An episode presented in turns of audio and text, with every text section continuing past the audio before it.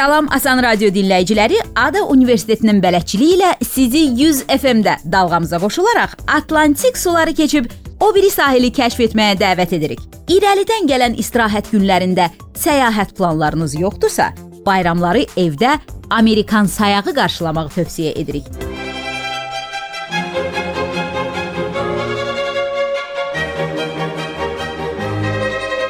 Çöldə hava soyuq olanda Amerikalı ailəsinin sevdiyi məşğuliyyətlərdən biri birlikdə film izləməkdir. Proqramımızda Amerikalıların həyat tərzi barədə danışmışıq. Buraxılışlarımızı mixcloud.com/helloamerica səhifəsindən də dinləyə bilərsiniz. Məşğul Amerikan həyat tərzi ailələrə adi günlərdə biri-birilərini kifayət qədər görməyə imkan vermir. Çox zaman 8-dən 5-ədək valideynlərin işdə, uşaqların isə məktəbdə olduğu günlərdə Axşam saatları yalnız yemək yeyib yatmağa, səhərsi gün isə eyni ritmdə davam etməyə çatır. Ona görə bayram günlərində ailəvi keyfiyyətli vaxt keçirmək Amerikalılar üçün vacibdir.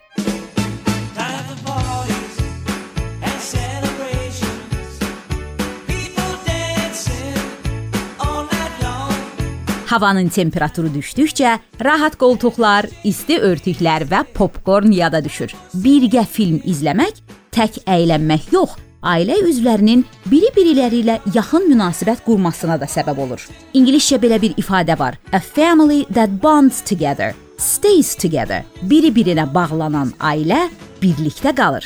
Ailəvi film izləmə axşamlarına qonaq dəvət etmirlər. Çünki bu vaxt özəl olaraq yalnız ailə üzvlərinə aid hesab olunur. Psixoloqlar bildirirlər ki, Valideynləri ilə birgə film izləməklə vaxt keçirən uşaqlar məktəbdə daha diqqətli olur və yaxşı qiymətlər alırlar. Bununla yanaşı filmlər əsasında uşaqlara nəyin doğru, nəyin yanlış olduğunu əyani nümayiş etdirmək olar. Beləliklə onlar düzgün dəyərlərlə böyüyüb dərslərini gerçək həyatdan almağı gözləmirlər. Evdə birgə film izləmək bütün övladlara eyni diqqəti yetirməyə də imkan verir və hamısı ilə ünsiyyət qurmağa, sosial qabiliyyətlərini inkişaf etdirməyə səbəb olur. Bunun sərfəli əyləncə olduğunu da yada salaq. Çox üzvlü ailəni çöldə yeməyə, muzeyə və hətta kinoteatra aparmaq belə ailə büdcəsinə yer edir. Ona görə evdə birlikdə film izləmək bir güllə ilə iki dovşan vurmağa icazə verir. Yeri gəlmişkən, Amerikan ingiliscəsində bu ifadə To kill two birds with one stone. Bir daşla iki quşu vurmaq kimi səslənir. Ailəvi film izləməyin bütün bu faydalarını əldə etmək üçün isə hansı filmi seyr edəcəyiniz sualı da çox vacibdir. Başınızı yormayın, siyahı bizdə. Hello America proqramı bayram günlərində izləmək üçün 5 ən yaxşı ailəvi filmlərin adını açıqlayır. Qulağınız bizdə olsun.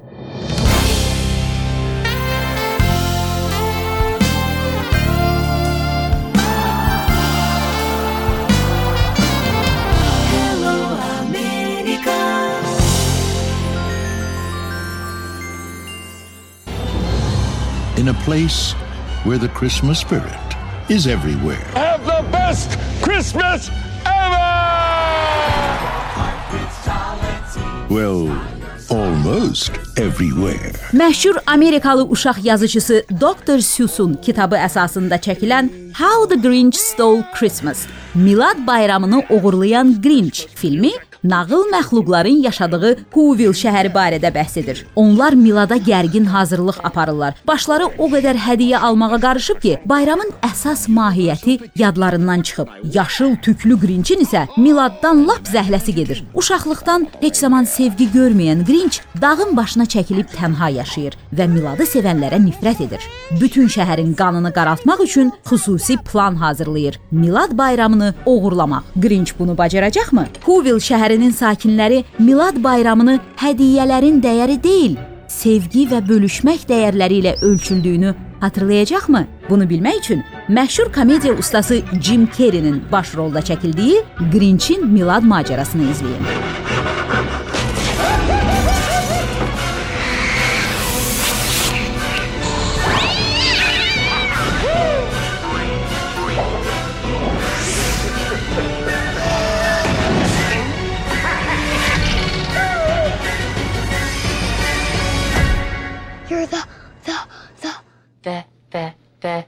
The Grinch. Jim Carrey is the Grinch.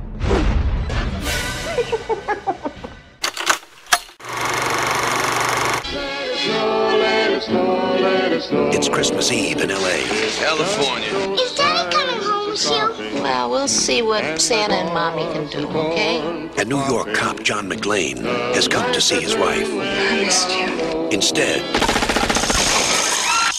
he's going to have to save her.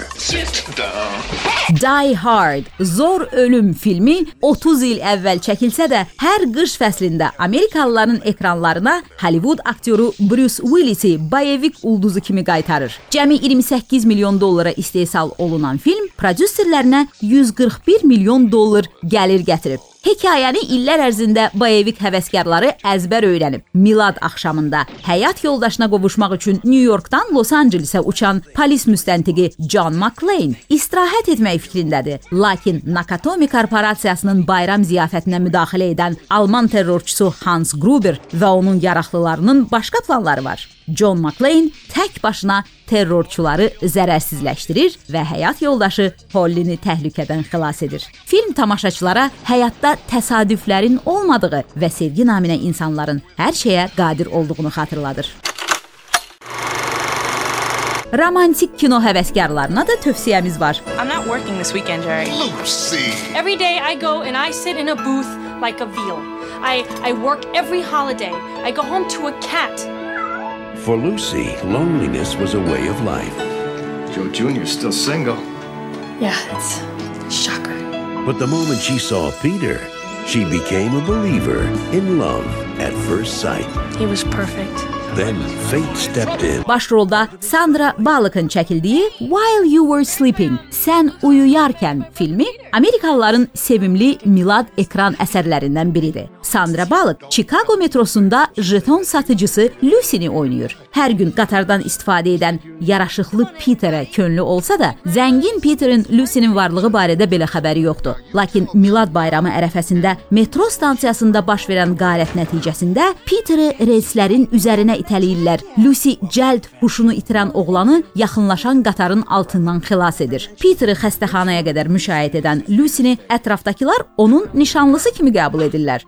Ailəsi ilə münasibətləri soyuyan Peterin valideynləri belə. Lucy həqiqəti açıqlayana qədər məsələ qəlizləşir. Peterin ailəsi Lucy-yə vurulur. Oğullarının həyatını xilas etdiyi və ailənin yenidən birləşməsi üçün səbəb olduğuna görə ona minnətdardılar. Lucy bu vəziyyətdən necə çıxır? Peter komadan ayılanda həqiqəti danışırmı? Yorulmadan izlənilən Sən uyuyarkən romantik komediyasını izləsəniz cavabı taparsınız.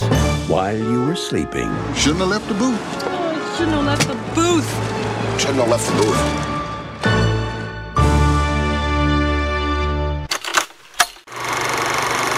Balaca Macaulay Culkin'i 20 il əvvəl dünya ulduzuna çevirən Home Alone, Evdə tək filmini tanımayan az adam olar. When the McAllister family left on their Christmas vacation, Did we miss the flight? No, you just made it. they forgot one small thing. Amerikalılar onu Milad günlərinin ən baxımlı filmi hesab edirlər. Süjet xətti isə gülməli sərgüzəştlərlə doludur. Parisə səyahət etməyə hazırlaşan böyük ailə səfərlə bağlı bütün detalları nəzərə alıb. Bir şeydən başqa, onlar uşaqlardan birini, 8 yaşlı Kevini evdə unudublar. Bunu Kevinin anası yalnız təyyarədə anlayır. Lakin artıq gecdir. Evin kiçiyi Kevin böyük malikanədə bayramda tək qalır. İlk məqamlarda buna sevinən balaca onu gözləyən təhlükədən xəbərsizdir. Məhəllə oğruları Harry və Marv evə göz qoyublar. Oğrular balacanın evdə tək olduğunu anlayıb hücuma keçirlər. Kevinin çevik və ağıllı olması nəinki onu bəladan saxlayır, hətta evi qarətdən qoruyur. Bu film tamaşaçılara ailə üzvlərinin həmişə yola getməsə də biri-birlərinə daim lazım olduğunu xatırladır. There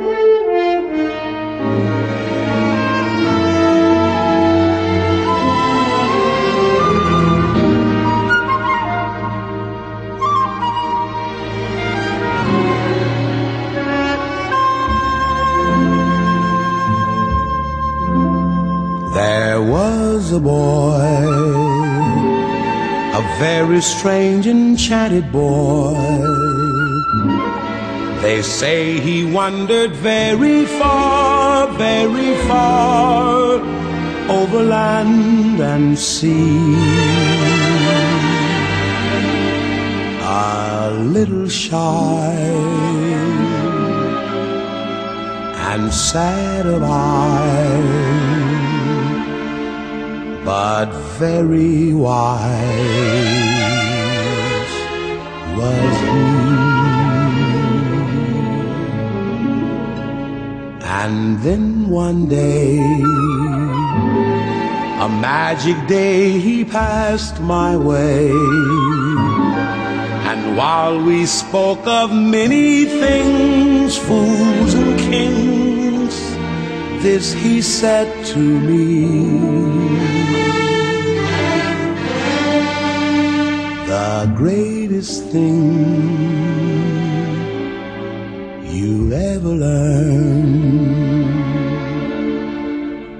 is just to love.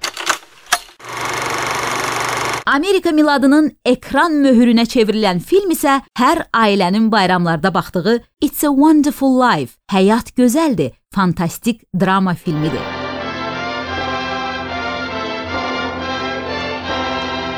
1940-cı illərdə ekranlaşdırılan film Amerika kinosunun ən ruhlandırıcı əsərlərindən biri hesab olunur. Uzun illər Hollywoodun Amerikan kişi idealı hesab edilən James Stewardın canlandırdığı qəhrəman George Bailey bayramda həyatına sui qəsd etmək istəyir. Bütün ömrünü digərlərinə yaxşılıq etməyə həsr edən George sonda özü xəyanət edilmiş durumda qalıb. Borclarını həyat sığortası hesabına ödəməyə çalışan George'un özünü öldürməkdən başqa çarəsi yoxdur. You realize what this means? It means bankruptcy and scandal and prison. That's what it means. Ailəsinin dualarını Tanrı eşidir. George-u fikrindən daşındırmaq üçün yuxarıdan bir mələk təyin olunur. Film ərzində mələk George-a doğulmasaydı, ailəsi və icmasının sonunun necə olacağını göstərir. Qəhrəman yaxşılıqları ilə nə qədər insanın taleyini dəyişdirdiyini anlayır və sui qəsd fikrindən çəkinir. Filmin sonunda bütün şəhər onun borclarını vermək üçün pul toplayır. Qardaşı isə George-u buna görə şəhərin ən zəngin adamı adlandırır. To my big brother George, the richest man in town.